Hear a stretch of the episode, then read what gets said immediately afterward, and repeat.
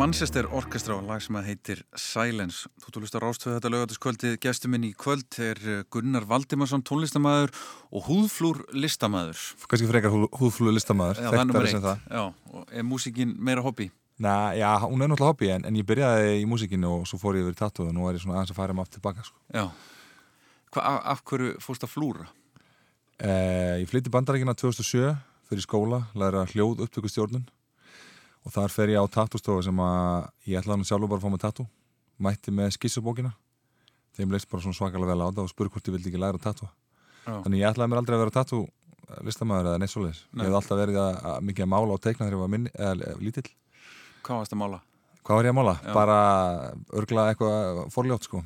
Ég man það ekki, en bara sem krakki skilur ég bara, ég bara teiknaði að mála allan daginn, alla daga sko, það var það sem ég gerði sko. svo einhvern veginn hætti það þegar maður fór yfir í rockið sko. Já Uh, ég byrjaði að spila tónlist þegar ég var svona 16-17 ára. Þá byrjaði ég að spila á gítar. Og varst þið einhverju böndum? Ég var í Nevolution. Já, alveg rétt, já. Hittum að þau frá aðra meitin, svo ekkert neginn bara hrundið það, sko, þegar ég flytti út, sko. Já, já, já. Þegar ég flytti út, sko, þá, þá ég sá alltaf fyrir mér að flytti út og kom svo tilbaka eftir 1-2 ár og halda áfram með Nevolution og það er bara eins og í gamla dag Svo var einhvern veginn þegar ég kem tilbaka, þá var allir fluttir ekki allir, en það voru tveir fluttir annað. Eitt til Norex, eitt til hérna, allavega eitt til Norex þannig að við kemum tilbaka og það var ekki saman galdur en að fá aðra meðlumi sko. það var einhvern veginn, þetta er merkilegt með hljónstir sko, það er einhvern veginn ákveðin galdur í að hafa ákveðina meðlumi þó kannski einn meðlumur sé ekkert endilega sem er lög hann er kannski bara, er bara með en það er einhvern galdur í þessum, þessum hóp mm. Svo tekur bara lífið við og... Já, já, lífið tók við og Makar og Já, já, og... ég vinna og ábyrð Ég er tví giftur og, og, og tví fráskilin en það er bara þannig sko. En uh, þú fluttir hann til bandaríkjana 2007 Hver, um, hvert, hvert fluttir þú? Ég flutti til Orlando, Já. klára skólan sem var ársnám, þetta var tveggjar námtekju einu ári. Í hverju? Eh, í hljóðu upptökustjórnum já, já, og þetta var svona bara farið hratti við sögu. Lært allt frá að, að taka upp hljónstir og mixa og mastera og allt þetta dót og, og tónlistir, kvikmyndir og allt þetta dót sko og þetta var algjörlega mitt passion sko en svo einhvern veginn var ég að tattua á kvöldin svona fjela og svona alls konar og sá alltaf sem eitthvað hobby sko uh mhm. -huh. og svo flutti ég til Montana að því mann eftir ég að þegar ég klára skólan þá var ég með hæstu einhvern í begnum og það var svona job placement program í skólan sem að var með einhver ákveðin svona atvinnum tækifæri út frá bara þessu námi og þeir sem voru efstir í begnum fengið að velja fyrst og svo kolla kolli þessi tækifæri sem voru í bóði svona einhver svona internship eða hvað sem það kallast á lærlingur. Og ég sá hérna mörg tækifæri í LA og, og New York, það er náttúrulega aðal hitin í bransanum. Nema hvað, ég fekk bara atvinnulegu eitt ár út frá skólanum. Og hérna og ég hugsaði með mér, ég þarf náttúrulega að flytja heim til Íslands eftir þetta eina ára því ég har náttúrulega vita vonlust að fá atvinnulegu í bandarækjunum nema maður sé eitthvað hann er eitthvað vel efnaður að ætla að fara að giftast einhverjum. Og ég var hérna giftur þannig að það var ekki, ekki bóði þannig ég klára námið og fer síðan til Montana Já. sem er svona besta lýsingin á því er bara svona kúraka dæmi sko. Já, og kallt ja, Sjónandi heitt á sömurinn, skýtkallt á veðna bara svona Ísland í nótskund sko. Nefnum það er aldrei heitt hér á sömurinn Nei, reyndar, ok, kannski Nóraur er nótskund það er mjög heitt hér á sömurinn og ég var að vinna þarna í hljóðveri upp í Klettifellunum í eitt ár og var að taka upp alls konar hljónstir það var meðal Death Cab for Cutie þeir komuð þarna, þetta var svona hljóðveri gaurin sem átti þetta, pappans var moldríkur Já, já, og hann bara byggði svakalegt hljóður upp í klættafellunum og þetta var svona ákveðar í trít hljóður. Uh, bestu vinnur hans var Billy Corgan. Mm -hmm. hann var alltaf á leiðinni og ég var svo mikið að býja eftir hann kemi svo kom hann aldrei sko. En hérna, en, en, hérna ég átti einu svona, svona conference call þar sem að Billy Corgan var og ég var bara svo starfströkk að hálfa hann sko. það var nóg, það var nóg sko. en, en allavega þá hérna þarna vinn ég eitt ár en ég var alltaf að flúra svona kvöldin og með bara svona til þess að halda því við. Og ég sá það aldrei sem eitthvað svona meira en það svo flyttið til Íslands fyrir að vinja á stúdíu í Sýrlandi er það í talsetningunni og alls konar svona þessu tengdu svona, var svona að koma við inn í bransan eða heima. Hjá Golla, var Golli en þá? Nei, hann var hættur. Uh, ég heyri marga sögur samt. Já, það eru nokkrar. Það eru ansið marga skemmtilegar. En hérna, svo hérna svo vindur þetta svolítið upp á sig því ég enda með því að ég er að flúra hverjum einastu þig og stór tatt og, og maður kemur úr vinnunni eftir Studio Sérland og svo maður tatt á allan daginn svo bara beint að sofa, beint í vinnuna. Og kona mín á þeim tíma, hún sagði bara þú verður að velja, annarkvort, annars brennur út. Mm -hmm. og ég hugsaði með mér námið er alltaf aðna hljóðið, ég get alltaf farið aftur í það. En tattúð er svona, þetta er svona ákveði svona momentum sem maður er með, svona ákveð meðbyr. Og það er bara núna ekki, skilur og ég hætti þarna á stúdíósjálfandi april 2011 Já. fyrsta april manni, að því mann að því að hann held að þetta var grín mann fyrir inn og hætti fyrsta april og hann svona ertu grínast? ertu viss? Já, ég viss og hérna, þeir voru ótrúlega þeir, þeir síndu svo mikið skilning og, og þetta var bara frábært og svo Já. hefur það bara leið upp á við Já Við munum eflust tala meira um músík og uh, tattoo í, í, í kvöld en þú férst 20 spurningar.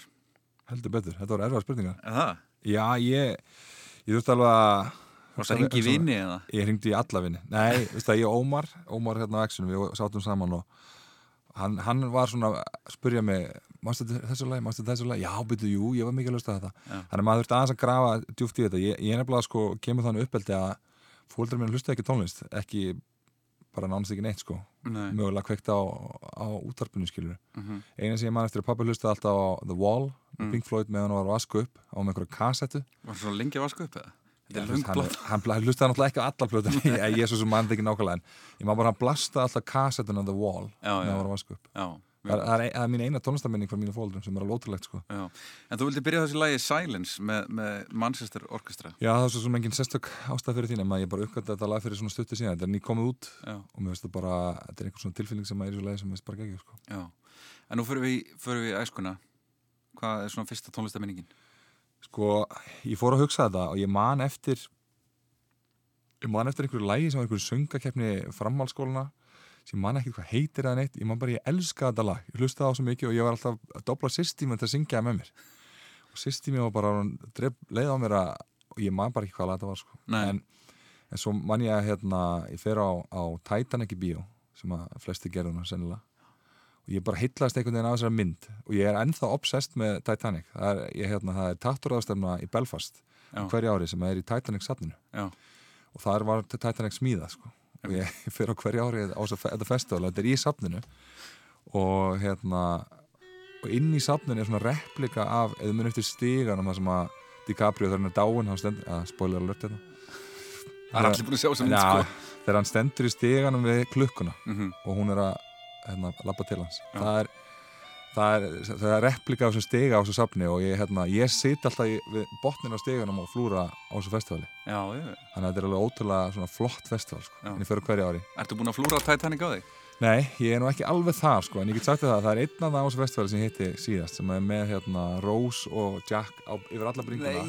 Svo er það með hérna Heart of the Ocean, hérna, demantin í miðunni ég skal samt viðkjöna það, ég var miklu meiri Titanic fan hérna gamla dag og ég er ekkert svona brjálaður obsessed lengur sko. Nei. ég er svona gaman að koma að það sko. Mjög gott, við skulum hlusta á, á tóna úr Titanic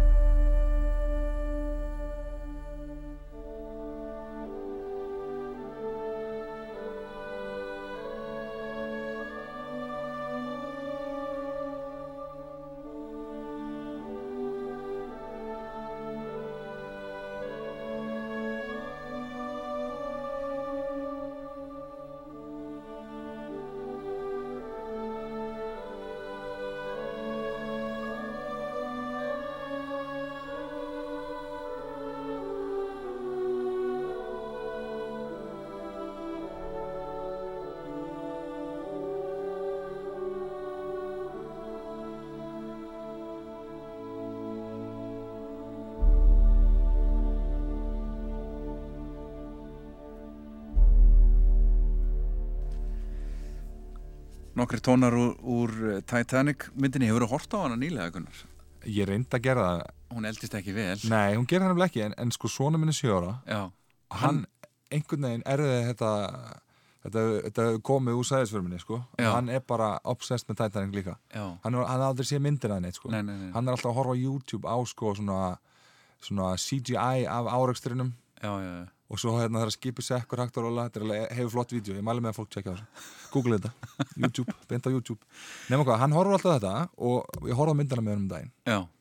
og ég var svona, já, hann alveg elskað hann sko. já, þetta en við spóluður enda svolítið á árastöðun sko. hann var ekkert mikið ástasögunin eitt hann var ekkert, og hann veist ógæsleitt þegar fólk er að kýsast og svona þannig að hann var ekkert mikið að horfa á það sko. hann vildi horfa á árastöðun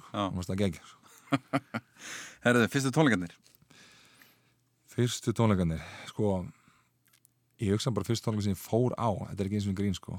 Bara þegar ég spilaði sjálfur sko. Og það er pínu grilla sko. Ég, ég fór að hugsa þetta sko. Að því að eins og því ég, átti, ég var ekki með tónlistur uppheldi og, fólkdra mín voru ekki takk með tónleika sískin mín voru ekki tónleikum og engi vini mín er voru tónleikum. Þannig að bara þegar ég spila mínu fyrstu tónleika þá er ég bara að mæta fyrst skipta tónleika sem er svolítið grilla sko. það er mjög spes. En um, og, og hvaða tónleika voru það? Bara, ég ætla að giska á við hefum spilað í húsinu og akkurir það er verið eitthvað svolítið, við spilum heldur átt þar og ég er bara mann ekki, ég er ekki þekktu fyrir gott minni sko. en, en svona fyrstu alveg tónleikandi sem fór þá fór ég með félagum mínum á Róaskildu 2003 Já. og ég fer sem sagt að því að mér langaði að sjá Metallica og Iron Maiden sko. þetta var svona mín, mín svona uppbólsbönd og svo hérna Metallica var að hella hana á, á först deginum og svo Iron Maiden á lögadeginum og Björk var að hella hann á sunnudegin og ég man það að ég var ekki mikið fyrir Björk.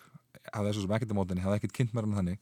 En ég fein alltaf tónleikana því að þetta voru loku tónleikana og þetta voru fljóðvöldasinning og svona. Og ég man bara eftir hvað ég var blown away. Já. og ég man bara eftir hvað ég var að fatta þannig hvað Björk er rauninni góð sko, því að maður einhvern veginn ég held að Íslandingar sjá hana að allt eru ljóseldur næri sko, maður einhvern veginn bara, já Björk og eitthvað svona. Svo man ég eftir ég var að vinna á stúdíósílandinu þá, þá kemur Björk og er að taka upp þennan dag sko. ég má bara eftir hvað ég var bara eins og halvveit þennan dag sko. ég var að reyna að vera, vera bara að geta eðlur en ég heldur að vera skrítnar en Björk sko. hún fyllir upp í öll rými sem hún kemur inn í sko. já já og ég bara þetta var smilspegst dag sko. að vera að vinna hana veist, ekki, ég var ekki að taka hann upp en ég var svona þú veist hvað er í hátan með, með snúruna já, já. skilur, og, og hvað var hann að taka upp, mennstu það? þetta var eitthvað svona bara fyllir á einhverja plötu veist, þetta hefur verið ég er svo sem ekki alveg svona viss hvað blöta það er sko. en ég menna þetta hefur verið hvað er ég að ljúa þar 2009 eitthvað það var eitthvað svona orkestra filler bara eitthvað svona bakgrunnstótt sko. Við viljum að lusta á, á Björk. Þú skrifaði jóka. Já, ég bara geggja lag. Já, það, Ég maður bara eftir, ég fekk sko gæsa húð á rósköldu þegar ég sá það, ég hafði aldrei hirt að lag sko. og svo eftir það er maður einhvern veginn alltaf svona tjekkaði regla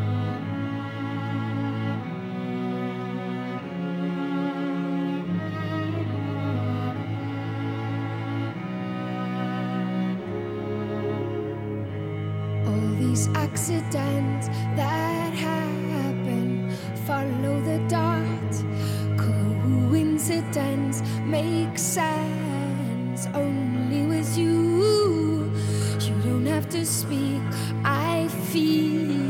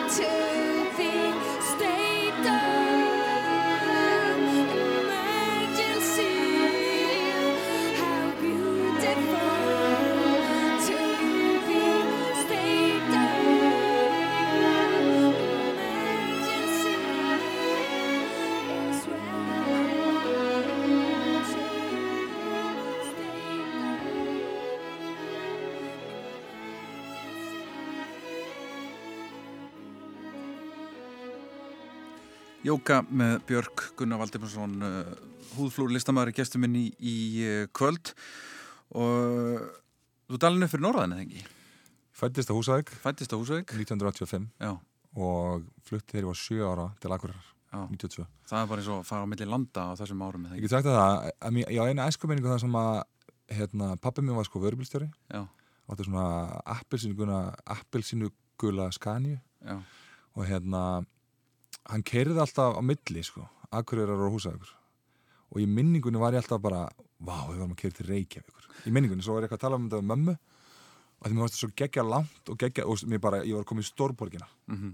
og mér fannst þetta bara svo stórt eitthvað og geggja ég var alltaf bara krakkið aðna, ég hef verið 5-6 ára skilur og svo, svo er ég að tala með mömmu uh, um þetta og hún sagði, nei, nei þetta var á milli húsakur og akurir og þá setja það alltaf í samingi, hvað krökkum finnst allt einhvern veginn stórt skilur, allt sem er öðruvísi og þannig að ég held ég var að fara til Reykjavík ekki það að Reykjavík sé eitthvað stóra en, en mér, leiði bara sem að öðru bíl svona í 18 klukkutíma og, og komið til LA sko. Já, nákvæmlega. Og, og hvernig var allast upp á Akurir? Uh, það var rosa fínt sko. Uh, uh, fyrir hérna í barnaskólan á Akureyri og bara kynnt, þú veist, margir af mínum svona vinnu sem ég á ennþá í dag kynnist ég þar sko, og svo í mentaskólanum á Akureyri og allast upp á Akureyri var bara frábært. Um, ekkert um það að segja neikvægt eða svo sem ekkert eitthvað stókastlega ákvæmt heldur en ég veist að það var bara flott og kannski þægilega við að allavega svona munin á því að alla börnum mér upp í Oslo og, og, og Akureyri, mann bara til dæmis ég lappa alltaf í skólan í fyrsta bekk og öðrum bekk og bara ekkert mál en, en svonum minn er í öðrum bekk núna skólan er bara handað við hotni sko. samt e, þetta er ekki huga að láta hann lappa í skólan sko. Akkur ekki Það bara gera það enginn og, og ég held bara barnaðvenda yfirvildi í Noregi, ég kem bara að banka hjá mér ef ég myndi gera það sko. og það bara einhvern veginn gera það enginn og það myndi einhvern detta í hug sko. og ég veit bara einhvern veginn bara, ég sé skólan frá það sem ég bý sko. samt bara, inn í skólan að því ég er á leiðinu vinna en þegar ég var í skóla í fyrsta bekk þá bara, eru dröllaður út að fara í skólan svo var maður bara, ég man eftir líka á leiðinu heim úr skólan, maður oft bara svona við andabóllinu og akkur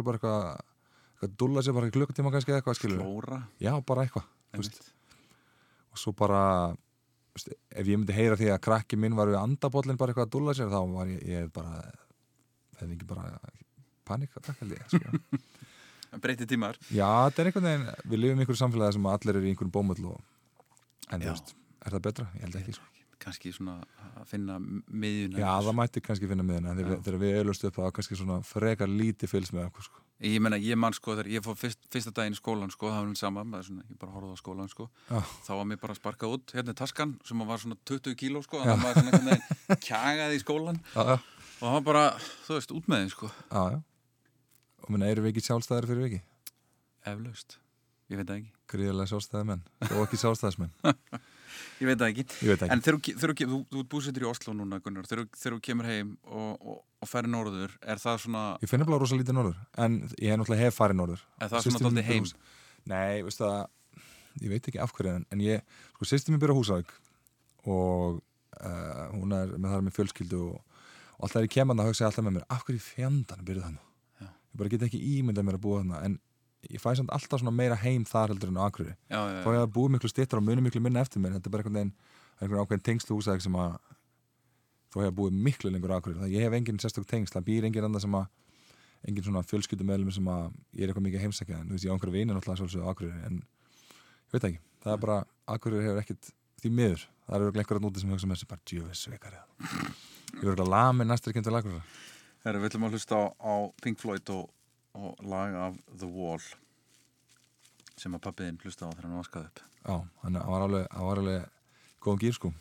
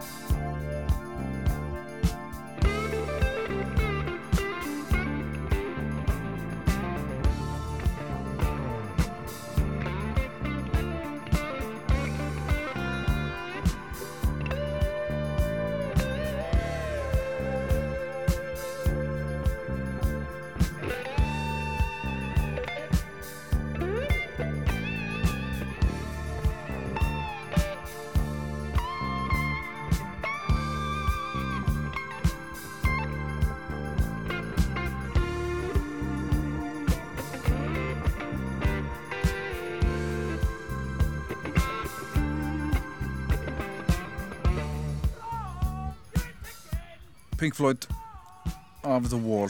Uh, Já maður, það eru nú að sagbyrna sælan Lægi sem sæðir engum og hafi gaman að uh, Titanic soundtrack er náttúrulega þótt ekki cool sko. Nei.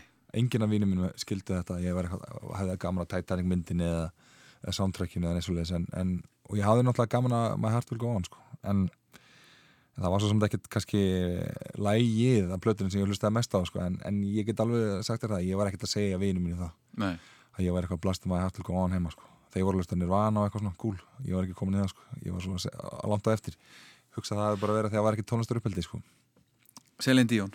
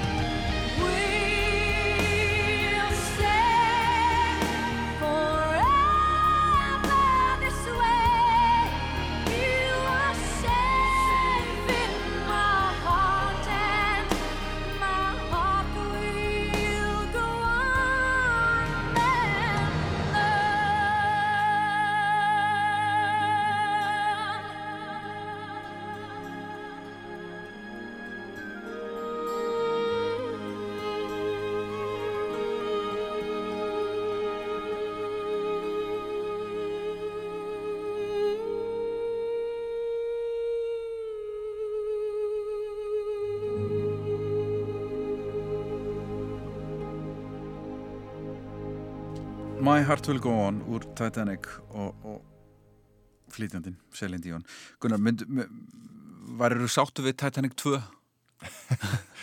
The Resurrection Já, það kemur skipið upp En þú veist að það hefur verið að byggja nýtt skip sko. það er einhver, einhver moldríkur indveri sem er að gera eitthvað svona replika skipinu og allar að láta það sigla sem er leið og eitthvað svona, mér veist það hálfkjánulegt sko. það er alls konar samsæðarkenningar um þetta skip það sé uppröndilega skipi sko. að hérna sem er alveg fyrir eitthvað samfærandi sko, en, en ég er ekki að segja trúðan kannski, en það eru skemmtilega sögur. Eins og, eins og til dæmis að, að sko, ef við förum bara hrættið þessu það er semst að fyrsta skipið, Olympic. Mm -hmm. það þau voru þrjú, voru þrjú, sýstu skip hann fyrsta skipið sem smíða er Olympic. Það er semst að uh, siglir þessa sömuleið á Titanic, mm -hmm. áttasigla og það kemur til New York og ekkert mál og það er sami með þess að sami kaptein hérna Smith Já. sem að siglir Olympic og ekkert mál þeir eh, hérna, koma hérna í höfn Olympic var öllu leiti eins og Titanic nema örlítið stittra og ef þú horfur að mynda um hliðu hlið það var einu kýri og að minna. Já. þannig að það er engin leið fyrir einhvern svona að sjá það nema að vita. Já. að því sko uh, nema hvað að þegar þeir eru að fara tilbaka nokkur dögur senna að þá eru þeir semst í höfninni að snúa við og þetta er náttúrulega stæstu skrúur sem hefur verið smíðaðar á þessum tíma. Þannig að hann keiri bara í kvinnandi botn til þess að snúa við og hérna eða til þess að leggja staðið eitthvað tvendan, ég veit ekki hvernig það er að gera hann í höfninni. Og það er e, svona eitthvað herskip að sigla framhjá sem er bara ekkit vola nálagt sko. en að því að það var svo svakalegt svog af hérna, skrúnum það, þá fer herskipið og siglir svona í af, aftar hlutan á Titanic bara fullu stími. Já, Olympic. Já, Olympic fyrir og hérna gerir þarna stórt gat það sekkur ekki en, en það, það er stór skadi og þetta er mynda þessu, það myndir mynda gatinu og þetta er alveg dokumentað og er ekki, þetta er ekki samsverðarkenning þetta er staðrind þetta er staðrind og þeir eh, lappa svona upp á þetta nót til þess að geta silt til Belfast aftur. Það sem áttu hvað sem er að sigla. Southampton, Belfast, Frakland og eitthvað svona. Þetta, er, þetta var svona samar leiðin alltaf. Mm -hmm. og nefnum hvað, þeir koma til Belfast þá koma þeir því að kjölurinn á skipinu er allur skakkur eftir einan árustur og það, þú lagar það ekkert. Nei, það er bara, bara já, það er allavega það, allavega það tókaður eftir þegar sigla þegar sigla sagt, uh, yfir þá uh, leita skipi alltaf vinstri. Já. og ég máni hvort það er stjórnborðið eða bakborðið, ég er nú ekki nógu fróður um það. En það leita alltaf til vinstri. Og þeir koma hann í höfn og hann byrja samsvæðskenningin samsvæðskenningin er svo að hérna, þetta var alltaf bara dýrasta skip sem verið smíðað. Titanic er að vera að klára Titanic á þessum tíma. Það enda með því að þeir eru tekin Olympic er tekið upp í drædokk Já. bara tekið á, á höfn, nei á, á land og þá fara að laga það. Og svo kemur bara að ljósa að þetta verður ekki lagað. Og hérna samstarfskenningin er svo að þeir hafa bara einfalla sett nafnið Titanic á Olympic. Og Olympic semst sé þá Titanic. Og hérna og þeir hafa sett ákveðið það að sigla því viljandi á, á Ísaka og sökvaði en, en þeir reiknum með því þeir voru með annað skip frá sama fyrirtæki rétt hjá það sem Titanic sekkur Uh, Þetta er rosalega sannsæðskynning En, en byrjuðu, eh, sko maður hugsa með sér ok, það var náttúrulega ótrúlega margir í Belfast að vinna með að smíða þessi skip og maður spyrir sér, akkur var enginn sem segja neitt? Já, já. en málega það að allir kallmenn á vinnufærum aldrei voru að vinna hjá uh, White Star Line við að smíða þessi skip. Já. og ef þú ert með eitthvað kæft, þetta er alltaf, alltaf tímar, þá ertu bara rekin og þú far hverki vinnu. Þannig að menn hafa bara haldið kæfti og þetta er svona, og þetta er saga sem heyrðast á börum bæjarins í áratögu eftir. En það sem gerir síðan er það sem, það sem þessi samsvæðiskenning klikkar eða ekki þessi samsvæðiskenning klikkar heldur þetta plan. Sko fyrstulega, það er nokkuð luti sem maður gera verkum að maður gæti mögulega að trúa fyrstulega, að Gauri sem að mánu ekki var neitt sem að sem að átti White Star Line var ríkastum maður í heim, einna ríkastum maður í heim sem að átti semst að fara með Titanic og þetta átti að vera, veist, þvíleitt grand og eitthvað svona, hann semst að kannsala því að fara þarna nokkur dögum fyrir.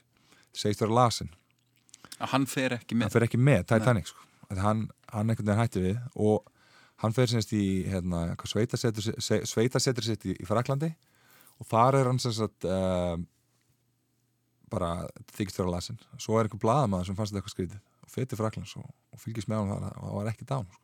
hann var bara í fullu blasti að gera alls konar luti þannig að hann allavega hafði enga legit ástæði til þess að fara ekki með. Maður spyrir sér, var hann bara ekki að nenna lendi í sjóslisi og þó honum er í bjarga sko en er, planið var það, þeir áttu að sami kaptinninn og eigðalögur Olympic var settur á Titanic og hún var sagt nú er þetta samsvæðskenning sem ég trú ekki endilega nú er ég bara að segja þetta þessu sannleikur hérna. Hann og hún er sagt að sigla Titanic yfir allansæðu og það er ísjökar þeir fengu og þetta er staðarinn, þeir fengu ótrúlega mikið viðverðunum um að veri ís á þessu svæði. Það hefði ekkert verið mál, fyrstulega að sigla hægar öðrulega að fara aðra leið en þeir gera korugt, sigla fullustími í gegnum ísækarsvæði Já, en var, var ekki punktur í þar að þeir voru reyna að slá eitthvað með í hraða? Jú, alveg eflaust, jú, jú, og það er eflaust það sem þeir hafa sagt sko. og, en eins og sí bara þetta er, er samsvarskenningin og það er annað skip frá White Star Line sem er parkað á miðju allansafinu sem enginn ennþann dag í dag getur útskýrt akkur er þetta skip að bara parkaði yfir nótt. Þannig að rétt hjá það sem Titanic sekkur. En það var nógu langt frá Titanic til þess að það sá ekki, það var ekki auksín en það, þegar í réttarhaldunum eftir að Titanic sekkur það voru svona stór réttarhald um, um þetta mál allt saman. Það var að reyna að finna blórabökul aðal blórabökullin í þessu máli var kapteinnin á því skipi. Og enginn skilja ennþann dag í dag akkur hún var kent um þetta allt saman. Málið er, hann í ásir í þessu réttarhaldum, þá voru hérna menn sem voru að vinna með hann á skipinu, þeir segja það hann hafi þrýsisunum vaknað þessa nótt komið fram að þessum mönnum sem eru vakandi yfir nótt, ég veit ekki hvað þeir kallast og spurt þá, hafið þið séð flugvelda hérna hafið þið séð kvíta flugvelda í þessa átt og bendir út á haf í nótt? Og þeir segja nei. Og hann gerir þetta þrísvar og það sem er miskilningur er að á þessum tíma þá var distress call hjá skipum að senda kvíta flugvelda. Ef þú varst með aðra liti þá var það ekki distress call heldur en eitthvað parti mm -hmm. og hérna þeir hafði ekki séð neina flugvelda. Og, og hérna þegar hann spyr þrisa þessa nótt og enginn getur útskrift akkur maðurinn er að vakna miðnótt og spyr hvort þau hafa sér flugvelda en ef maður spyr sig, ok, ef hann vissi að því að Titanic átt að sökka þarna og þeir vissi að því að það var ekki nóg mikið björgunbátum en þeir voru að plassera skipið hann á miðan sjóin til þess að redda restina farþjónum og ekkit mál. Og svo bara það sem klikkar er að þeir eru ekki auksín, þeir eru ekki nóg nálagt en á móti kemur að hérna það voru nokkur skip á ferli í kringum þessum Titanic sekkur sem að komi ekki til bjargar af því að það voru hérna svona óluleg kvalviði skip það voru að veiða svona litla kvali á þessum tíma það sem að menn sild út á mitt haf og veitu kvali, ólulega og, og það eru til sögu frá þessum mönnum þar sem segja að þeir sjá að þetta allt gerast og, og hérna gera ekkert í því þegar þeir voru náttúrulega ólega þannig Þetta er miklu sagja en myndin maður. Já, en, en svo kemur loka punkturinn í þessu öllu saman Ég er ekki endilega að segja trú þessu nei, en nei. ef þú horfið á myndina Into the Abyss sem James Cameron gerir James Cameron er sko obsessed með Titanic og ein, hann sagði það sjálfur, hann sagði eina ástæðan fyrir því hann gerði þessa mynd var til þess að geta kafa niður á skipinu. Já, já. hann skrifa handrættið þannig. Hann hefði alveg, alveg, það verið miklu ótir að gera CGI já, af því sko en hann kafaði alveg niður á skipinu. Og hann eitti sko miklu meiri penningi það heldur en restina myndinni já, sko. og hérna, svo gera hann gera það aftur, þá gera hann mynd sem heitir Into the Abyss sem að fjalla bara bara um flagið sko. Mm -hmm. og þar kemur svolítið áhugavert í ljós af því að þegar það er sigla sko, þegar það gera Titanic myndina þá held ég að það hafi ekki fundið aftarlutan af skipinu, bara fremrilutan það er mikið mynda þarna í byrjun á, á Titanic myndinni svo þegar það er fara aftur og gera Into the Abyss þá sjá það aftarlutan sem er miklu lengra frá að skipi brotnaði tvent menn trúði ekki fyrir að skipi finnst 1985 að skipi hafi brotnaði tvent en allavega það er nú eins að en hérna hann að þeir fundu afturlötan hann í setni siglingunni og þar náttúrulega mosa grafi skipi skilur og það er náttúrulega erfitt að sjá en þar er mjög augljóðast að sjá aftan á skipinu stafin Ó það er ekkert Ó í Titanic nema það er Ó í Olympic þannig að maður spyr sig er, er þessi hérna er þessi redding sem þeir hafa að redda þarna með nafninu á Titanic aftan á skipinu hafa sennilega reyðgað af eða eitthvað allavega þá er hérna nokkuð auðlast ó og hann útskýrður ekki myndinni en hann, er, hann trúir þess að samsælskenningu sjálfur sko. að þetta sé eitthvað svona effi sko, allt saman allavega hann, hann hefur eitthvað tíðan talað um það að þetta sé eitthvað mjög spes allt saman en ef maður sig, akkur er ó aftan á Titanic það er náttúrulega bara, við endum þess að sjóða því Nákvæmlega. Nú fara, nú fara allir í YouTube og fylgjast með þessi. Ég skulum klára þáttinn, við erum komin á áratögulegunum, 8. áratögurinn, 70's. Uh, sko ég var var ekkert mikið hlust á lögfæðars tíma en, en það er náttúrulega ákveðlu sem maður bara endalust alltaf fíla. Og það er hann að Carry On My way, Wayward Son með Kansas sem er geggilag sko, geggilag Carry on my wayward son. There'll be peace when you are done. Lay your weary head to rest. Don't you cry no more.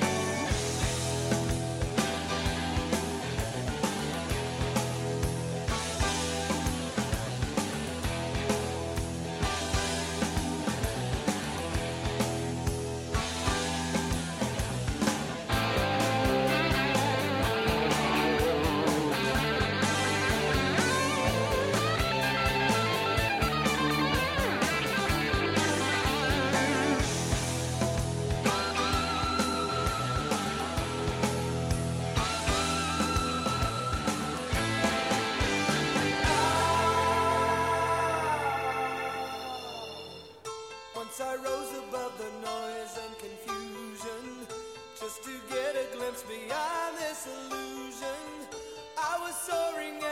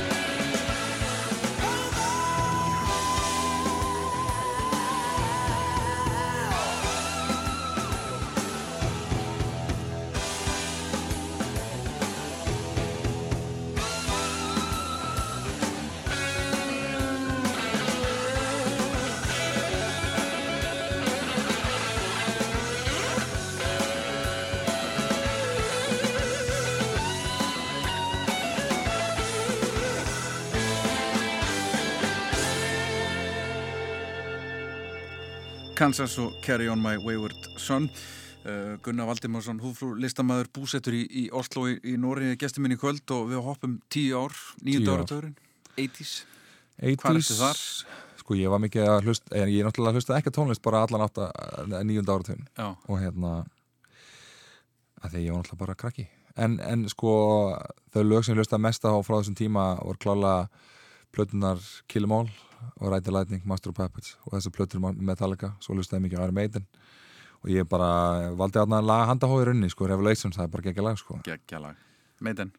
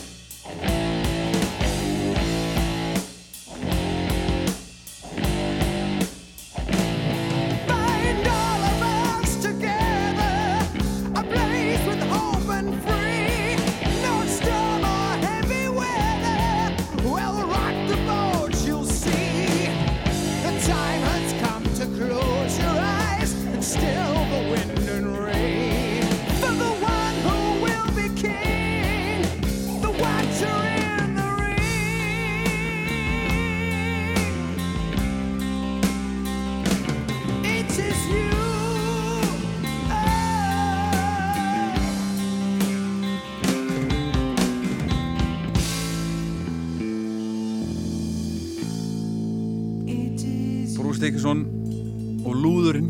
Lúðurinn. Talandum um að, hérna, að vera í síma síma conference call með, með Billy Corgan. Ég, ég fekk síma viðtal við, við Bruce Dickinson í fyrra. Já, hvernig var það? Það var erfitt. Nú? Nei, bara, bara veist, góði, Já, bara góði Ég ætla að tala um að það var með svo þykka reyn Nei, nei, nei, nei, nei Ég get alveg skilja það. Ég get sagt það. Ég, hérna, þegar við hittum upp fyrir Arameitin þá erum við hérna baksviðs. Við hittum upp fyrir á Eilsall og hérna, okkur drýmum það hvernig það hitt þessi idol Já. fyrir ungan strák. En ég er 1.93 það sem fór mest það sem ég ást mest skrítið að standa á það bakvið ég stóði ein, á einu tímapunkti málegar, ég talaði ekki við neitt af þessum mannum og ég skal bara viðkjanna það. En bara, það, þeir voru ekkert mikið að gefa af sér. Nei. en málegar, ég stendaði á einu tímapunkti hliðin á Steve Harris, sem var bara þvílitt góð í mínum ögum, hann var að stilla bassan sin hann var komin í múndaringuna og reddi bara.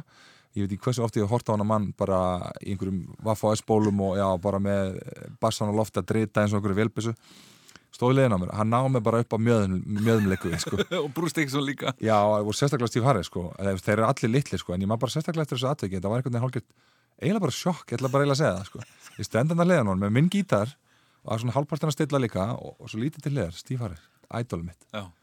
og bara það var alltaf að hann reysi upp fyrir sko hérna, parketti bara En þeir eru góðir Þeir eru ekki góðir, sko. ekki það að sé hvað þeir eru lítill en þetta var bara svona, var einhvern veginn samanferðið sem miklu starri Herru, 90's uh, Ég seti að Black Hole Sun að því að ég bara elska allt með Chris Cornell, sko, ekki allt kannski hann gerði nú einhverja solblötu sem voru svona questionable. En, en bara, ég veit ekki það, þegar hann deyr eða þegar hann uh, fyrir mig sjálf, þá einhvern veginn fór maður aftur að tjekka á öll, þessu stöfi sko, og, og hérna, sorglegt að maður að þurfu eitthvað svona til til þess að maður fara að tjekka aftur á þessu. Og Black Hole Sun hérna, gerur nú coveraði bara sjálfur. Ég hef nú ekki sett neins þar en, en þetta er bara lag sem að ég er bara geggjað, þetta er bara geggjala Sandgarðin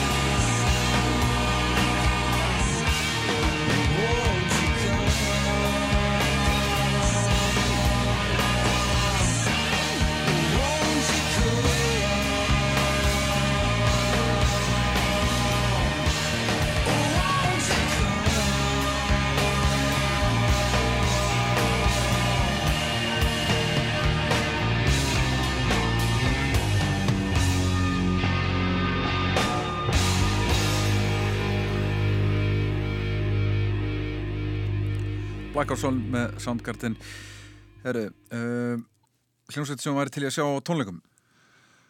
Hörru, ég seti þetta moderat, það er náttúrulega ansamörgband sem var til að sjá tónleikum, við töldum að aldrei sé Radiohead sem Nei. er algjörsynd mm -hmm. um, ég seti þetta moderat, þetta er svona það nýjasta band, þetta er svona það band sem að ég er svona já, sem hefur komið inn í mitt, mitt líf skulle segja, sem að bara, ég hlusta að geða þetta mikið á og ég er bara svona ok, þetta er geggja band. Um, þetta er svolítið spesband að heileitum til. Þetta er semst uh, tvö bönd. Þetta er Apparat sem að ef að fólk hefur hórt á nýja þætti sem heitir Dark geggja þetta á Netflix, hann semur alltaf tónlistana hverjum sem er í Apparat fyrir þess að þætti. Og það er með titilæði sem er geggjalag.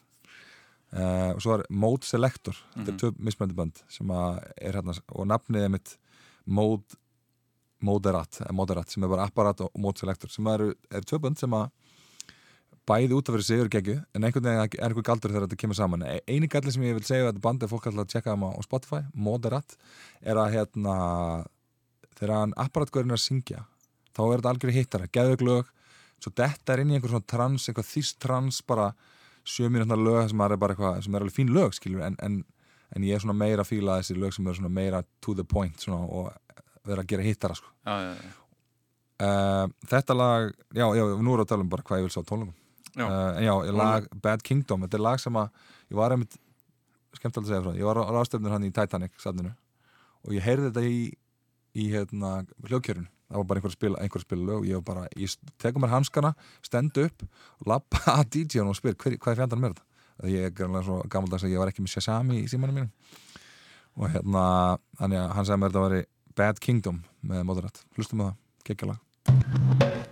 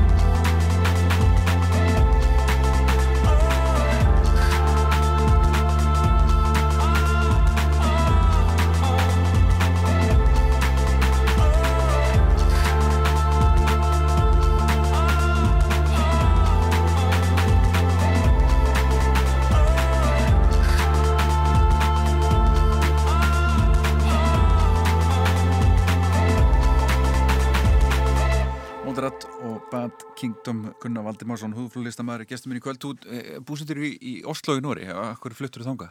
Uh, ég hitti konu á uh, íslensku táturástöfni þannig fyrir mörgum ára síðan, fyrir 6-7 ára síðan hitti ég konu sem heitir Linda sem er búsett í Nóri hún, svona, ég hef alltaf leitið upp til hennar á þessum tíma sérstaklega, þá leitið upp til hennar sem húðflóðlistamanns og hún gerir mikið af svona realistik tátum sem ég var mikið að reyna ná ná svona vald á og hérna sem þú heldur búin að gera í dag. Já, kannski, já, já maður er svona búin að ná svona ágætisvald á þessi dag.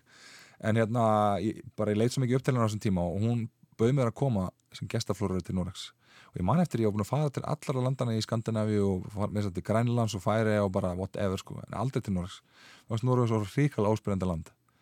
En bara því að hún var þarna og ferði þarna og ég er að vinna hjá hann í viku tíu daga og ég fílaði bara að geða þetta en ég kem aftur áttasinnum sama árið og enda með því að kona mín þáverandi, hún hérna sagði með það að hún var í HR á þessum tíma og þeir, hún er viðskiptafræði HR og þeir segja við hana, herðu, hérna það verður að bjóða upp á skiptinám hérna í BI í Oslo, þetta hann tekið síðast árið. Hún kemur heim og spyr hvernig fílar Oslo? Ég sagði bara, ég fílaði bara að geða þetta. Ef við flytja, já, okkur ekki.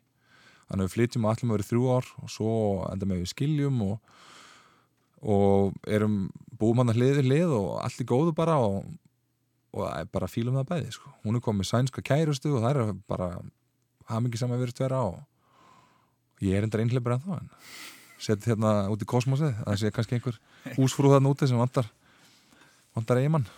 Nei ég segi svona ég er nú tví giftur og allar nú kannski ekki að fara að gifta með þeirri skipti en, en það var held að finna, einhver, finna ástein á ný en, en ekki það ég sé að leta en, en þú bara með þína stofu í, já og svo, svo eiginlega það sem kannski mest ástæðan fyrir ég festist í Norrin en gæsalaba, ég er svona mjög ánæðar hérna, er það að ég byrja sem að vinna hjá þessar konu og það er bara ekki alveg eins og þetta er oft þannig þegar maður vinnur hjá einhverjum í viku eða hittir einhvern í viku, það, fólk getur oft haldið inn í geðvikinni og svo þegar maður fyrir að vinna hana alla daga þá einhvern veginn kemur allt í ljós sem er slæmt og kemur í ljós bara það er ekkert allt í lægi þarna og ég enda með því að segja við hana bara eftir mánu eða tvo bara er ég bara með ekki vinna sko, ég bara, bara með ekkert ekki sko. Og að því að þannig fólk kannski fattar ekki alveg er að, að tattoo listin er þróað að sé náttúrulega ákveðin yðin og maður sé nú kannski, þetta er náttúrulega ekki sama listgrein eins og að vera að mála myndir þar sem þú ert bara svona sjálfur að búa til einhver listaverk þá ertu náttúrulega að þjóna einhverjum kuna þá er þetta samt ákveði þú ert að vera peppar í þetta, þú, þetta er ekki það sama og fari í bara venjulega 9-5 sko, þannig að mér fannst bara að því að ég var að vinna þarna og, og bara alveg að draga um mér allt þetta pepp. Og ég fann það bara ef ég myndi vera að áfram ég myndi bara missa áhana á og myndi bara missa þetta dræf, þannig ég segi við henni ég er bara hættur, hún var brjáluð og ég bara opnaði stofu og þá einhvern veginn var svo, var svo tilgangslegt að vera að fara heim aftur. En maður búin að koma stofu í gang, hún gekk vel og vorum hún fimm á stofunni. Við að Hreitlói Gunnarsson sem kom hann að setna, sem var með mér Nevolution hann enda með að flytja til Norris líka. Ég suðaði í honum alveg út í eitt sko. um að koma því ég veit að hann er mjög list, listrætt og mér okkur vantaði manneskjastofuna og mér langaði svo að kenna hann um að tattu hann hefði aðeins verið að fykta við áður hann ég vissi það að hann hefði áhuga á þessu og hann hefði það sem maður þarf til. Og hann, hann blómstræði hann í Oslo og ég held að hann sé ekki fara ekki fara neitt, hann var að fá sér kött í gæri eða fyrir þetta hann er ekki fara neitt. Hann er ekki fara neitt, sko. og er nóg að gera? Það er brjóla að gera. Já, þú ert náttúrulega að ferast út um allan heim eða ekki Hörru, á síðasta ári fór ég bara að hverja ári fer ég nú í, út um allt en á þessa ári er ég að reyna að spá ég aðeins að einbita með mér tónlistinni. Og fyrir þá sem er að lusta og, og vilja tjekka tónlistinu mín þá er ég bara Gunnar the Fifth mm. Gunnar 50 á Spotify og YouTube. Endilega tjekkja á því. En ég er sem sagt síðast ári fer ég að setja til Kína Rúslands uh, bandarækina nokkur sinnum. Alltaf að flúra. Alltaf að flúra en ég, ég hef nýtt það svolítið saman ja. því að á þessum ráðstöfnum þá er alltaf sko það er, alltaf, er oftast svona loka tónleikar eða, þetta er alltaf yfirleitt í einhversum stórum sölum Já. einhversum ráðstöfnusal og það er alltaf svið þannig að það er alltaf tónleikar síðasta daginn síðast, síðasta klukkan átta skilu þegar allir er að pakka saman þá, þá er tónleikar og, og svona smá partí sko. þannig ég vissi að því og þetta er alltaf mörg þúsund manns þannig að þú getur þarna fengið fullkominn tækifæri til að spila fyrir mörg þúsund manns þannig ég, við hefum svolítið, bandið hefur svolítið að fara með mér á þessi festival og við, ég flúra það yfir helgina og svo bara reyðið í gig sko. ah. það er bara gig, það er bara mín tvö passion hann að koma saman. Og hérna og svo er þetta bara komið kuna út um allan heim eða ekki sem að að fljúa með hingað þánga hálklári tatt út um allan heim. Jú, jú. Ég meina, ég er ekkert að fara til Kína aftur sko, ég get sagt það Nei. það er samt alveg hálfklar og tattu það sko já, já. Er ekki fyrirliði landslýs í fókbalta áttu ekki help? Jú, ég flúraði allt baki á hann og hérna gerði hérna skjaldamerki á hann sem að sem að hérna ég, ég er ennþá býttur að rífa þessu úr og, en hann fór umhverju guldspjált fyrir það sko, en bara one for a team sko. en hérna já, hann, að finna það að segja frá því að nú er hann að spila í Katar, Katar. og hann hafið sambandið um daginn og, hérna, og hann og konans, ég verið að tattu á þessu stundum og hérna, hefur það farið til Cardiff? Það hefur náttúrulega ekki verið neitt mál að fara til Cardiff. En þú ert komið til Katar þá, og ég, ég hugsaði með mér, flott ég var mjög til eins og Katar. Og svo hérna, fyrir við eitthvað að tjekka á þessu þá er það kól ólulegt að gera bara tattua í Katar. Þannig að Þannig að þið þurfa að hittast á miðri lið? Já, ég, alla, ég ætla ekki að lendi fóngis í Katar það. Það er, Ég hef lendi fóngis í bandaríkunum einu nátt og það var eh, bara, það var bara góð saga sko. Þar sem ég hérna, meg á lauruglustöð í Montana vissi ekki að vera lauruglustöð því ég hafði verið að drekka með félagin mínum svo loka barinn klukkan tvö og ég spur hvort ég mig að fara aftur inn að míga hann segi nei. Og ég fyrir bak við hús og taldi mig bara að vera Íslendingin hann að míga bak við hús og millir að tvekja bíla. Svo bara í miðri bunu heyri ég bara freeze, this is the police. Og það bara rifið í hendina á mér. Og ég meg út um allt sko. Og hérna, hann handjáðnaði mig og svo spyr ég, má ég, má ég kannski laga mig til hérna, af því að ég var náttúrulega bara með bara limin hangand útskilur og, og hann sagði nei þannig ég þurfti svona, er þetta útskilt í úttarpin ég þurfti svona beigja mig niður og, og svona mjaka hann minn og hérna, svo er hann bara, svo er leittur handað á húshotn og ég líti upp polís, þannig ég er bara mýið á lögurstæðan þeir hafa verið hort á mig í örgismyndagalni hvað djúvis þetta? Og fannst þeim þetta ekki fyndið? þeir fannst þetta bara nákvæmlega ekkert fyndið. Og ég var settur hann í yfirreyslu í fingraför, mugshot svo var bara hendin í fangaklefa með einhverjum kanadískum gauður sem greiðt alla fólk í náttina ég var alveg að vera brjálar þannig að ég endaði mig í banka og banka og klefa málu var, þetta voru svona klefar eins og í vilda vestunum ég er ekki eins og greinast, með svona rimlum þetta var ekki svona hurð sko. nei, nei. þannig ég banka og banka í rimlana og ég bara, má ég please fá annan klefa sko.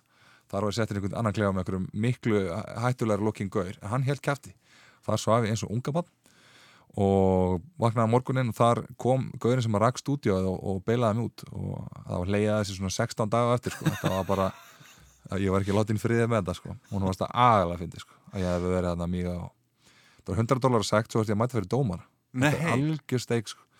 Og ég hérna í... og gasta ekki einu sinni tekið bara, ég er frá Íslandi ég, bara... ég reyndi það sko og, og þá róðust þér aðeins þegar þeir voru mjög pyrraðir sko, heldur það var eitthvað en svo endar þetta með því að hérna, dómarinn semst dæmir með þarna sekan ég hefði játað þetta ég man svo eftir að hann byrjar að lesa hann með heilt A4-blað hann á borðinu á sér og svo byrjar hann að lesa On the night of 24th of September Gunnar Vladimirsson uh, was spotted urinating in public and disturbing the peace og uh, svo lesa hann bara heilt A4-blað sem að greiði lögurlega þess að gera skýslu um þetta atvik og hérna bara spáði þessari tíma sóun sko. mm -hmm. sem bara 100 dólar sagt nema hvað, ég settur á, hérna, ég fekk misti mínur sem gera verkum að hvert einaskipti sem ég þurfti að fara til bandarækjan í tíu ár og þú veist ég að vera með sérstætt vísa fyrir það sko. nema hvað, ég fekk síðan á endanum þegar ég kom til Norris þá fór ég í sendir og það fekk svona tíu ára vísa þannig að það mm -hmm. var bara ekkert vesen það har aldrei verið vesen að fara til bandarækjan þetta var alltaf bara, alltaf þurfti að sækja um eitthvað annað og það er alltaf hleyið að mér í Í, já, af því að þeir spurja alltaf sko, akkur er ekki með ESTA af því að ESTA er náttúrulega bara mm -hmm. eitthvað sem sækir um reyndun kostar 10 dólar eða eitthvað akkur er ekki með ESTA þá er bara, herði, ég var handtekinn. Nú, fyrir hvað? herði, ég megi og lögurlusta og eitt sagði um því, herði, ég hef líka gert það. Ég var bara ekki handtekinn. Þannig að þeir hlæði nú bara þessu. En það er svona misti mín og sem að hljómar ekkert rosalega vel sko. Nei, herru, uh, plati sem fara allir leið á. Herru, dýrið döðaþók uh, ég hérna fjekk þess að plöti í jólagjöf. Ég vissi ekkert hver sem maður var, drengur. Og hérna fyrir að hlusta á þessu blötu átti hunda á þessum tíma og hlusta alltaf á hann þegar ég var að labba með hundin og ég bara elska þessu blötu svo hérna er ég vinnun einn daginn og er að flúra einhvern gaur og, hérna hliðin á mér er sindri tattuari að flúra einhvern annan gaur og mér fannst röddinn um agalega kunnuleg. Svo hérna þú eru þeirra að taka matapásu og þá segi ég sindra að segja hörruðu ásker, ég var að taka pásu. Og ég er svona ásker, ásker, mér fannst ég rosalega kannastæðan gaur en ekki, þú veist, ég var ekki, ekki að tengja. Svo allt í hún fætti að, herðu, herðu ásker hérna, getur nokkuð verið að þú var að gefa plötu? Hann sagði, já, jú, jú. Aðalega hóar svona, jú, ég var að gefa plötu hérna. og ég segi hann, ég elska þessu plötu bara geggju plata, hann eitthvað svona, já, ég ætla hann að reynda að fá þetta tattu að þér. En þú sagði nei. Og það var svona smá vandraralt móment en svo endar þetta með því að ég spurði ég bara á þessum tíma, ég var bara að fá ótrúlega mikið fyrirspurnum og já, já. kannski var flúra kannski 50-10% af þeir sem spurðu. Og ég man ekki að segja nei að því að hann vildi fá inn í útera og blötuumslæð ég hef örgulega sagt já, ef ég, ef ég hef bara sannlega ekki lesið þetta alltaf mm. sko. Eða hann hefur bara eitthvað, ekki komið þess að vildi skila eitthvað uh, ég þurfti að sérstaklega þessum tíma að skima ansar rættikar um e-mail að þetta voru kannski 50-100 e-mail á dag sko. það sem ég þurfti að skima í gegnum bara og finna út frá átt af því, ég flúra eina manneski á dag sko. Já, það eitt stór taktur, ég hef náttúrulega ekki tíma til þess að gera meira sko. Ertu bara í svona stórum? Já, bara, það er bara, ég valdi það sjálfur að því að mér finnst bara dagur að nýtast betur og, og mér finnst það bara skemmtilegra verkefni sko. ég menna fyrir og vandamenn ger ég alveg minni tattu og já, þetta er spáðið einhverju lilla það. Ég er að spáðið einu lilla Ok, þá, þá gerum við það.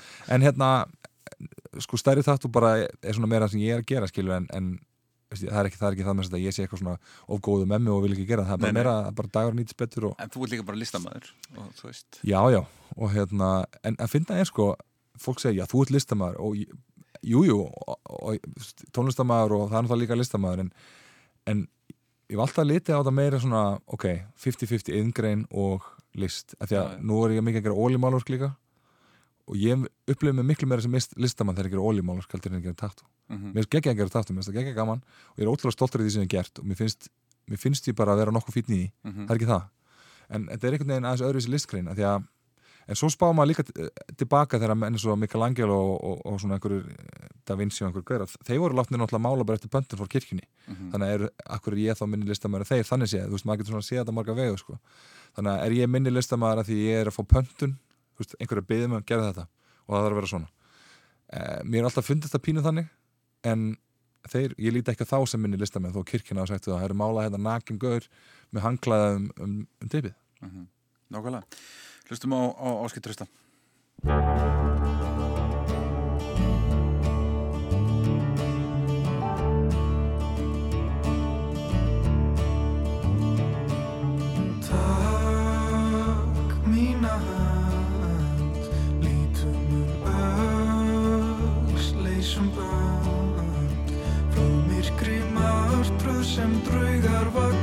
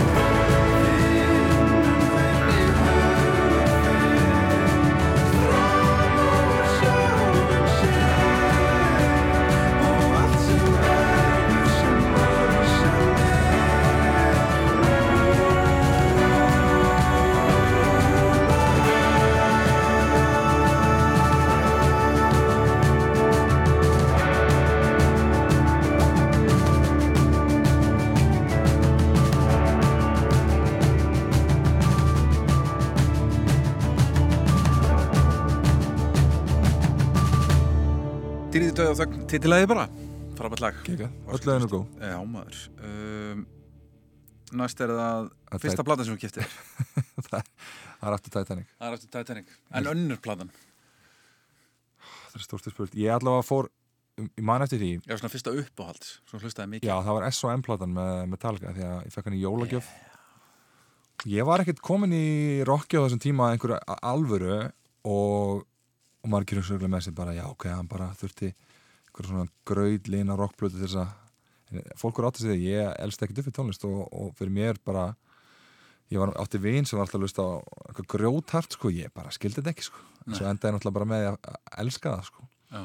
og það tekur bara tíma að detta inn í ákveðna stefnur og, og ég vil menna það að þeir sem að fíl ekki þungarokk séu bara ekki búin að kynna sér nógu vel sko. Heyr, heyr, hlustum á, á Metallica og, og Symfóni hljómsitt San Francisco. Já, gegja, frekar en Titanic. Já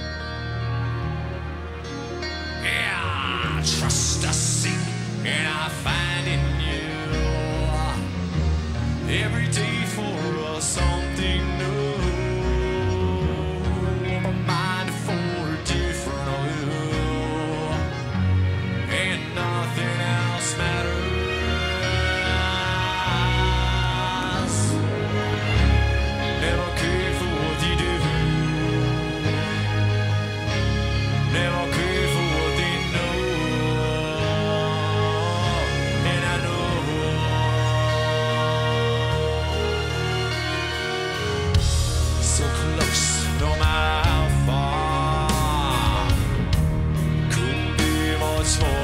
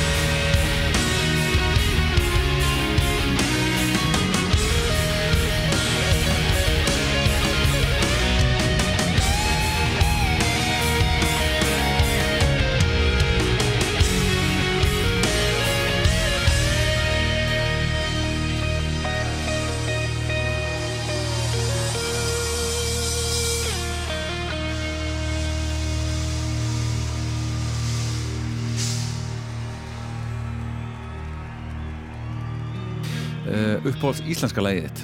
Ég seti þarna heimförina því að þetta lag hefur einhvern veginn bara alltaf veit ekki, mér finnst þetta bara ekki lag. Og þessi plata náttúrulega öll sko en þetta sérstaklega þetta lag sko.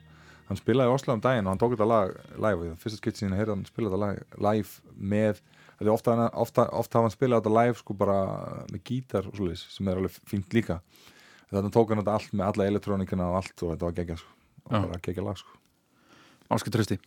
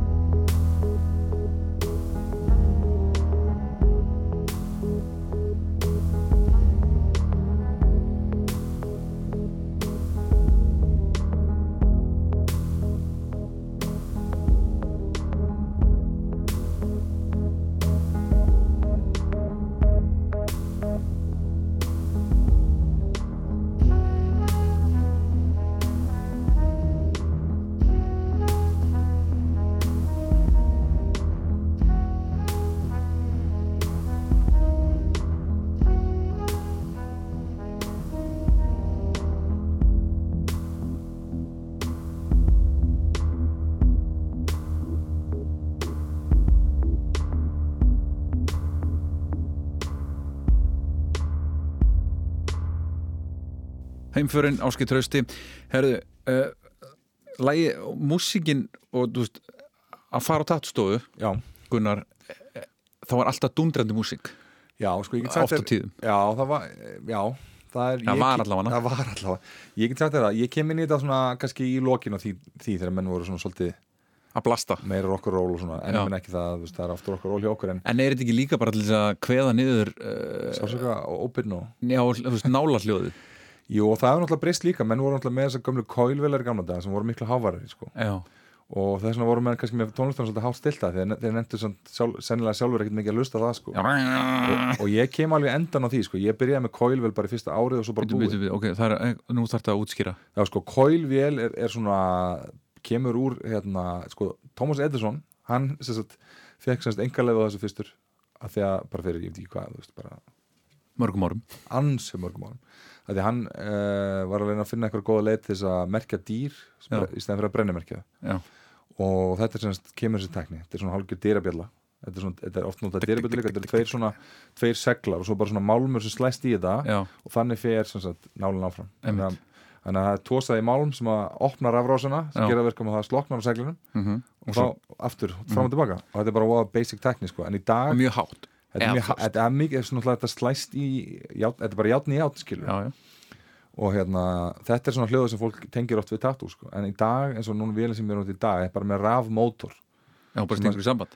Já, sko, ég, þetta er þrálaust með þess að ég er er þrálaus og pedallinn er þrálaus og þetta er allt þrálaust og, og hérna miklu léttara og þetta er miklu veist, og það, það er alltaf hljóðið þessu en þetta er meira svona bara létt svona zzz, bara svona smá svona eitthvað svona rafmaks svona, og líka náttúrulega hljóðið í nálinni að fara fram og tilbaka aðeins en þú veist, Já, já það er bara svona létt og gefur mann svona smá fyrring sko. en þetta er ekki þannig að ég þurfa að hækki bótt tónlistina sko. Og, það, og, og með þessu þá er búið að lækka eins í græjónum inn á húðflústofum Já, sko, ég þér að þegar fólk kemur á stofunni mér, það, ég, eiginlega alltaf það fyrsta sem ég heyri er hérna, bara vokkar allt hreint hérna og fínt og, og vil upp líst og svona, þetta er ekki svona dimmur kjallari það sem að, sem að leita með höndunum að hlutum, sko. Og náttúrulega, sko, ég ólst upp í sama stegagangu Helgi Tattoo Já. þegar hann var með Það er stofunu sína heima. Þannig að ég er búin að vera eh, þekki þetta, þennan heim mjög vel sko. Já, ég er nefnilega kem svona í skot, skotti á því, sko. Já. og hérna, Helgi á fyrsta tattooum mitt sko. og hvað er það? Hvað er það, það? er dregi á bækinu ég þarf að fá að sjá það, það er röglega svakalegt. Helgi heitin, já, en svo eins og segja þannig að uh, það sem að ég, þú veist, það er ekki mikið verið að blasta lengur en, en, en það, ég meina með blasta stundum sko, Já, já. þá er það bara þegar maður er í gýr sko, og vill hafa gaman. En, eh, og tónlistin líka svolítið breytt. Við erum fimm á stofunni úti, tvæ stelpur og þrý strákar og það eru skiptaskoðanir einn er frá Lettlandi með síða dredda og vill hafa bara grjótartungarokk ég er svona eitthvað líbó sko, ég get hlust á allt frá því yfir í bara Selendi Jónleiku við sko svo er að reynsi, hann er voða líbó svo eru stelpurna, það eru svona að vilja hafa þetta meira kannski í letara kantinum, þannig að það er voða mismunandi hvað við hlustum á sko Já. við erum með svona alls konar playlist að gangi bara og það er að næs við það, það er ekkert alltaf saman tónlistin sko. Hvað er furðulegasta tattoo sem þú hefur sett á einhvern? uh, sko ég hef alltaf gert ansa mikið furðulegt en sko ég get sagt bara eina sögu sem að er svona gott dæmi um það hvað maður fær oft mikið stektar fyrirspurnir og í dag segir nú bara við öllu svona en, en hérna Þetta er eitthvað sem þú gerðir? Nei en ég var átt að gera það sko en sko málvar ég fekk fyrirspurn frá Gaur sem að vildi fá sér orðið teint á spöngina. Teint er bara enska orðið við spöng. Já, og fyrir þá sem ekki vita þá er spöngin alltaf svæðið á milli punks og, og og og hérna hann vildi þess að fá sér orðið tengt á spöngina þetta er bara svo að fá sér elbow á já. og hérna ég bara, já, já, flott, gera það. Þetta ég var bara nýbyrjar og bara til hvað sem er. Og hérna svo hérna áttan tíma hjá mér og það var gaur úr skólanum hann úti sem ég var með í skólanum. Aðalega flippaði gaur sko. svo hérna, daginn sem átt að koma í tíma þá mætti hann sko. Sagði mér, ég er nú eiginlega hættu við þetta, getur við gert kannski eitthvað annað? Ég sagði, nú, ég var bara að googla þetta og maður skýtu vist bara á sig þegar þetta er gert? Ég sagði, hvað hva er þú eiginlega búin að vera að googla? Því það er alltaf bara eitthvað kjátt það sko. þannig að endaði mig gerði þetta ekki sko, þannig að það getið ímda okkur það er alls konar fyrirspunni, en ég svona eiginlega frá byrjun var heppið með það að hafa rosalega mikla eftirspunni þannig ég er svona ítti öllu svona til hliðar. En þú veist, maður er svo sem alveg gert eitthvað. Ég er bara, þetta er ekkit skemmtileg hug sem ég hef gert sem er eitthvað svona skriti mér finnst ekkit, ég hef gert, þú veist, ermi með Care Bears, þú veist, úr þáttunum Care Bears já, já, já. og þú veist, það kannski þykir einhvern skrítið. Um, Það er auðvitað mjög flott ermi já, já, hún var flott sko. Langt sinni gerði hana. Uh, þessi, mér, mér finnst kannski er ég, mér finnst mér bara ekkert skrítið lengur en ég er bara, þetta er ekkert En þú veist, er það uh, hlutverk, er það ekki eða er það hlutverk þitt þegar fólk kemur með eitthvað svona mjög fyrirlegt sem að þú með alla þessar einslu sem er bara þetta er ekki, þú veist, þú mynd sko, sjá eftir þessu. Og er það áttu þá að segja eitthvað eða bara ok sko, það er náttúrulega skipta skoðanur því í bransanum og þetta er einmitt svona eitthvað sem er rætt oft sko á ja. milli flúrar, bara myndir þú gera þetta að veist, oft, það, ég mæli með að fólk fara á Instagram þegar það er búið að checka Gunnar the Fifth Band þegar það er búið að læka það og allt það þá mæli ég með að fólk fari og finni Snake Pit Já. þetta er svona tattoo síða á Instagram sem bara með ljót tattoo mm -hmm. bara slæmarhjöfundir og ríkuleg tattoo er, ég elska þess að síða, hún er að það er mörg miljón manns að fóla á það sko. Nefnum hvað, og það er ofta rætt svona í tattoo-hófnum eins og nýra stofu svona, myndur þú gera þetta, myndur þú segja eitthvað þannan myndur þú gera þetta?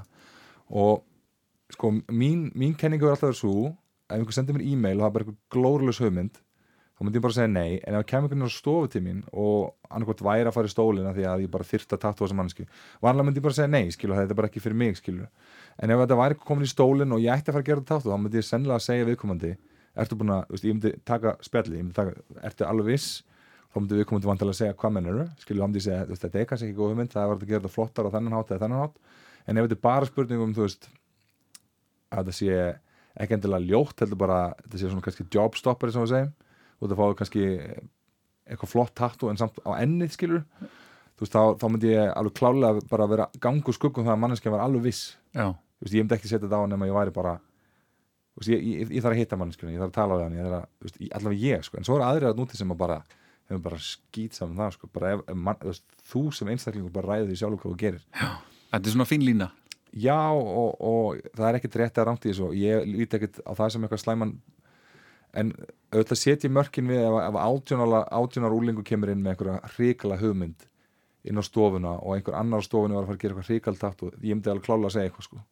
ég myndi segja, ég myndi segja bara ég myndi taka flúranar bakvið og segja, herru, ég vil bara við slúmum ræða þetta aðeins. Við slúmum aðeins stoppa okkur af hérna. Að því að, að því að maður veit bara sjálfur þegar ég var átjónara maður vissi ekki neitt sko. Nei. það er einhverju átjónara úti sem hugsa með þessu, ég veit bara allt skilur, og það og það er ákveðin hugsunáttur sem þú ert með þú ert átjóna sem er bara flott að vera með skil, það, þú kemst langt á því sko. En þegar það er eitthvað sem er svona permanent eins og tattoo og þá er kannski ákveðt að einhverju aðeins eldri sem að sem er samt ekki leiðilegu sko veist, það er alltaf fullt af fóröldum sem myndur segja neyfi bara einhverjum tattoo sem er ekkert aðtöðart við sko en ef það er að fá þér eitthvað á ennið eða whatever þá kannski má alveg ræða það allavega Já, nákvæmlega, nákvæmlega. Um, Og hvað hlustar á? Hvað finnst þið gott að hlusta á þegar þú ert að flúra? Uh, ég, ef ég er ræð þá set ég Radiohead, Moderat eða bara eitthvað, eitthvað í þáttina þú veist ég oft fyrst á ásker ég hef oft verið að blögga íslenska tónlist á stofunni útskrifa fyrir normannum þetta hérna þetta og segja einhverja sögur og, og fólk hefur mikið áhuga því sko en, en hann Janis, hann er ekki mikið fyrir uh, hann segir þetta sé leiðileg tónlist Íslensk tónlist? nei, nei, nei, ekki íslensk, bara svona veist, Radiohead, hann finnst það hálfgett væl sko. mm -hmm. hann vil hafa það hans harðara sko, þannig að það er svona oft mála mjög en ég, það er það sem ég fýla en að finna ég sko að það verðist vera mjög mismönd eftir flúrum hvort þeir eru að hlusta á tónlistan sem er gangið ekki hvort það er bara eitthvað svona bakurins því að oft eru við reynsi að hlusta á eitthvað ef það kemur dagar sem við erum bara tveinir á stofu við setjum einhvern playlist í gang og svo segir reynsi, þetta lag búin að koma þrísvar hann bara, ha? og það var ekki sem tekið eftir og ég segi, ertu ekkert að hlusta það sem er gangið hann sagði bara, nei, þetta er bara eitthvað í bakgrunn fyrir mér sko. eða ég segi kannski, textin er svo leiðis, bója, hann er að segja þetta þetta er áhört. Og segja alltaf, hvernig heyrir þú bara hvað fólk er að segja í lögun ertu ekkert að hlusta á þetta? Þannig að þetta er rosalega mismandi verið stverða hvað fólk svona, ég er mikinn aðdeklisprest og kannski er ég út um allt og hugsa um alls konar hluti en hann er bara rosalega fólksverða það sem hann að gera þannig að ég held að það er bara mjög mismandi eftir fólki sko. Hlustum á reytjöð All I Need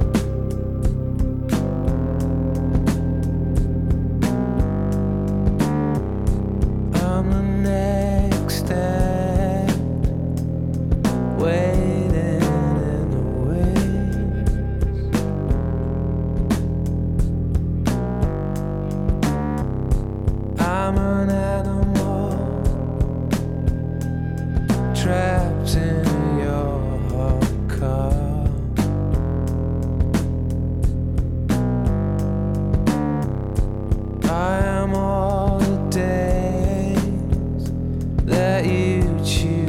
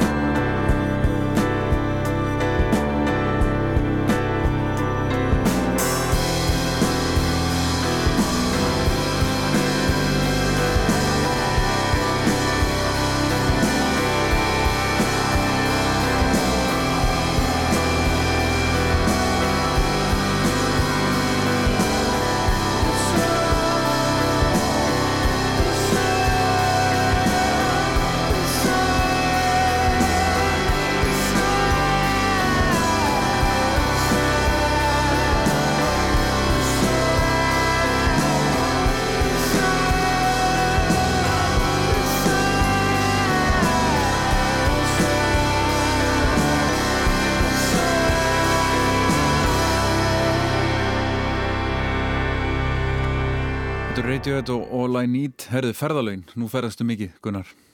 Ég ferðast rosalega mikið og eins og við töluðum um áðan ég er bara búin að fara út um allt á síðast ári og núna er alls konar svona meira plana tónlistilega tengt.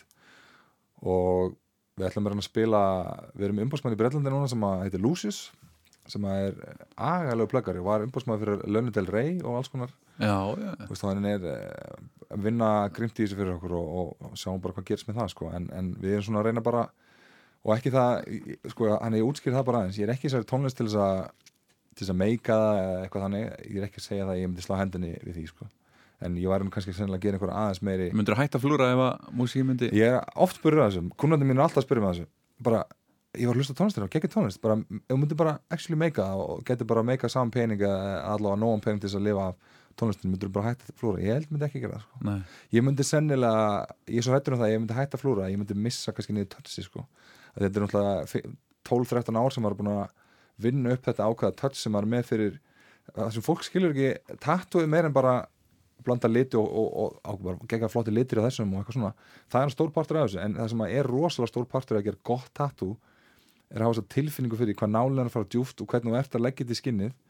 Að því að þetta er ótrúlega delicate process og svo þegar þetta grær flúð sem ég hef gert hafa allavega svona í setjum tíð gróið þannig að, bara til dæmis sér það á hendina ómæri, lítinur er mjög svona popping, skilju, það, mm er alveg bara og það er ekki bara einhver tilvölun sko. þetta er bara áralöngur einsla því að, að leggja þetta í húðuna að þannig skapir sem minnsta skemmt á húðinni en leggja sem mestan lit að þú verður að finna balans þar að því að þú getur náttúrulega endalur sett meira og meira lit sko. mm -hmm. en það náttúrulega að fyrir aftur og aftur yfir og skemmir meira og meira og það græir mjög illa og þá oft blæði liturinn út úr húðinni eða það kemur örvefur sem að verður alltaf svona smá kvít svona slikja yfir þannig að þú veist þetta er rosalega þannig, þannig að ef við förum aftur í spurninguna þá myndi ég ekki hægt að flúra því ég er hrættur um að missa þetta touch sem að maður er búin að vinna svo gríðilega hægt til þess að fá og ég myndi að flúra bara einu sinni viku eða mm -hmm.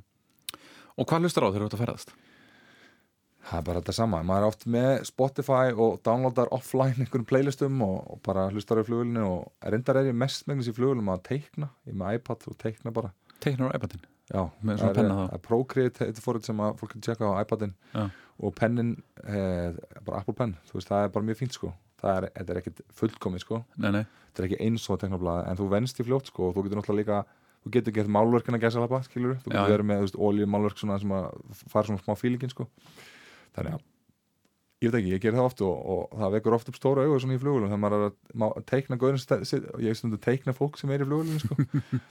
og hérna að fólk vekur upp stóra auðvitað stundum þegar maður er að teikna einhverja mannesku og það bara, byttu varst að teikna þetta núna? Já og hérna, það er svolítið skemmtilegt sko. Já, geggja Fólk er ekki vant í Herru, og við ætlum að hlusta á uh, mótarætið Radiohead það er svona það sem við mertir hvort stiltu eh, við vorum löst að reyndja þannig að mótarætt settu bara á eitthvað lag, það bara skiptir ekki máli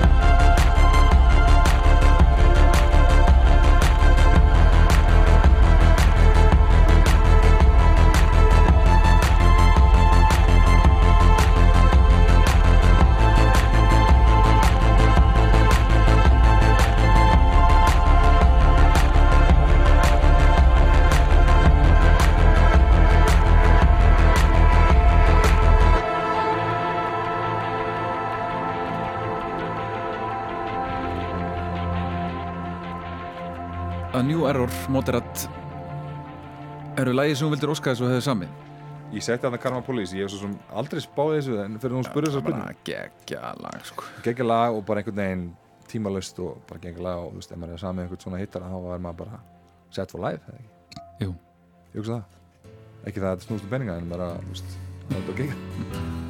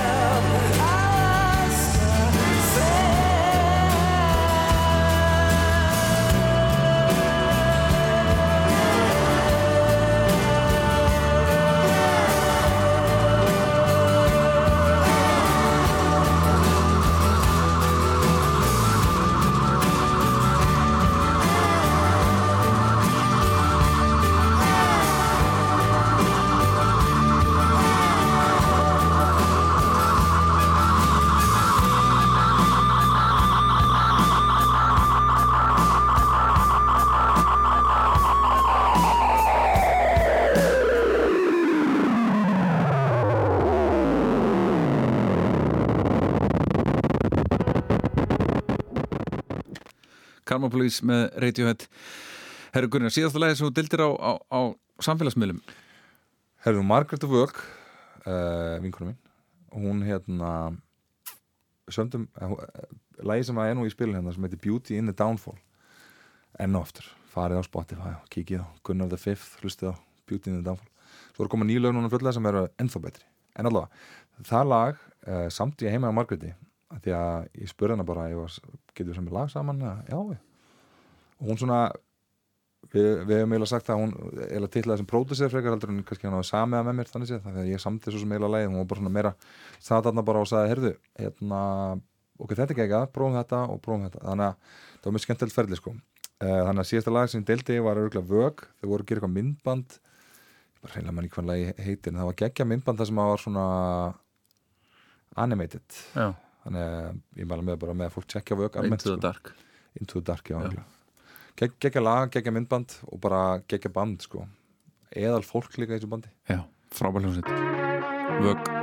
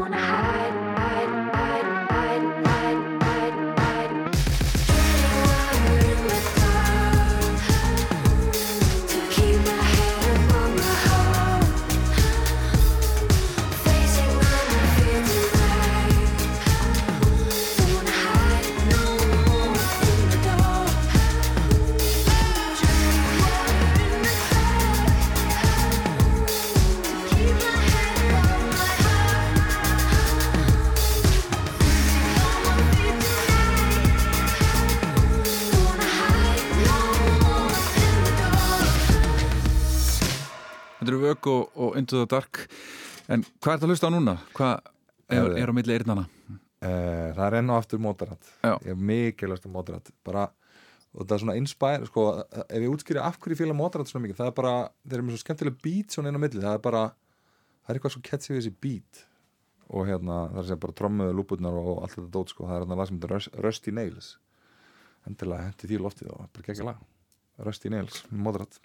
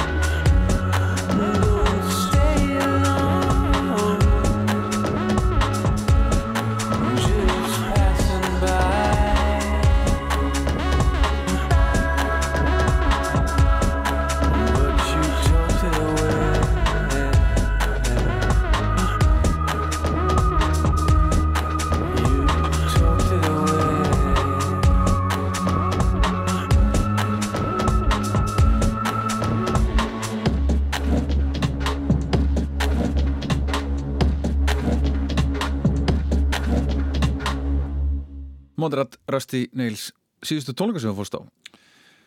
Fór núna fyrir 2-3 vikum til London með strákunum. Uh, Við fórum hann að 5-6 saman. Og á band sem heitir While She Sleeps. Ég haf aldrei, aldrei lust á þetta band.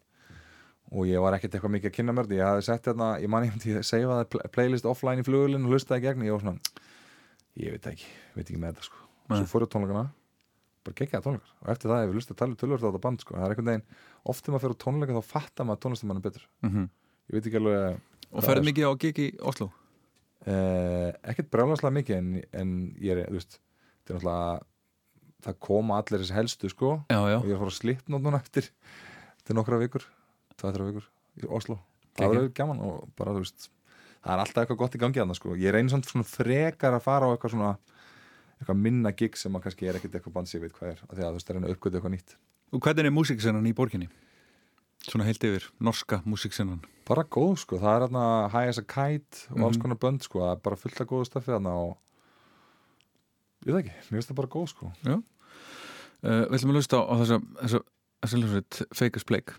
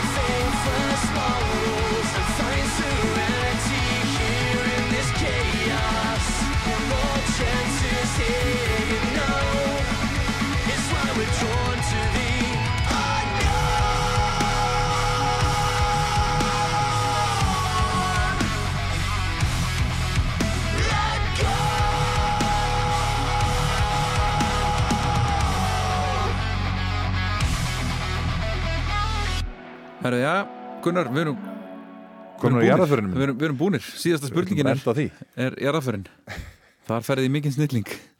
Sko Ég fór að hugsa Þú bara, þú bara setti mig hérna í mi- state of mind. Ég fór bara að hugsa Hvernig er þið jarðaförin mín? Uh, Ég vona bara að fólk hafi bara gaman í jarðaförinu minni. Mm. Þetta verður ekki sorgar atbyrður En uh, það lag eins og það er nú kannski er akkurat anstæðan við það. Som með Nils Fram er bara geggja lag.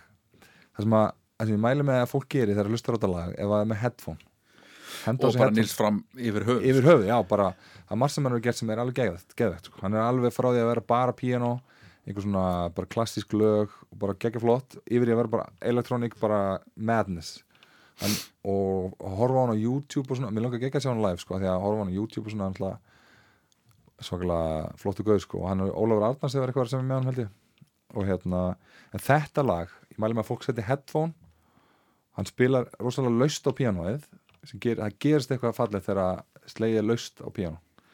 Nema hvað, að- að fyrir vikið þá heyrur miklu betur í öllu, öllu mekanismanum í píanónu og eins og þannig að eitt á pedalinu og svona, öll þessi hljóð skila sér í þessu upptöku og þessi upptaka er bara, það er eitthvað augna, nei, þetta er eyrna, eyrna indi getur maður sagt, Já, þetta konfekt. Eyrna konfekt uh, sem að, það er bara eitthvað svona, ég fæ alveg gæsa á það við þetta lag sko. Skulum hlusta á þetta. En ég fæ ekki gæsa á það í jarðaförinu, það er nokkuð ljóst, þú Nákvæmlega, takk kærlega fyrir að vera gestur minn og reyður að fá þig. Takk fyrir að hafa mig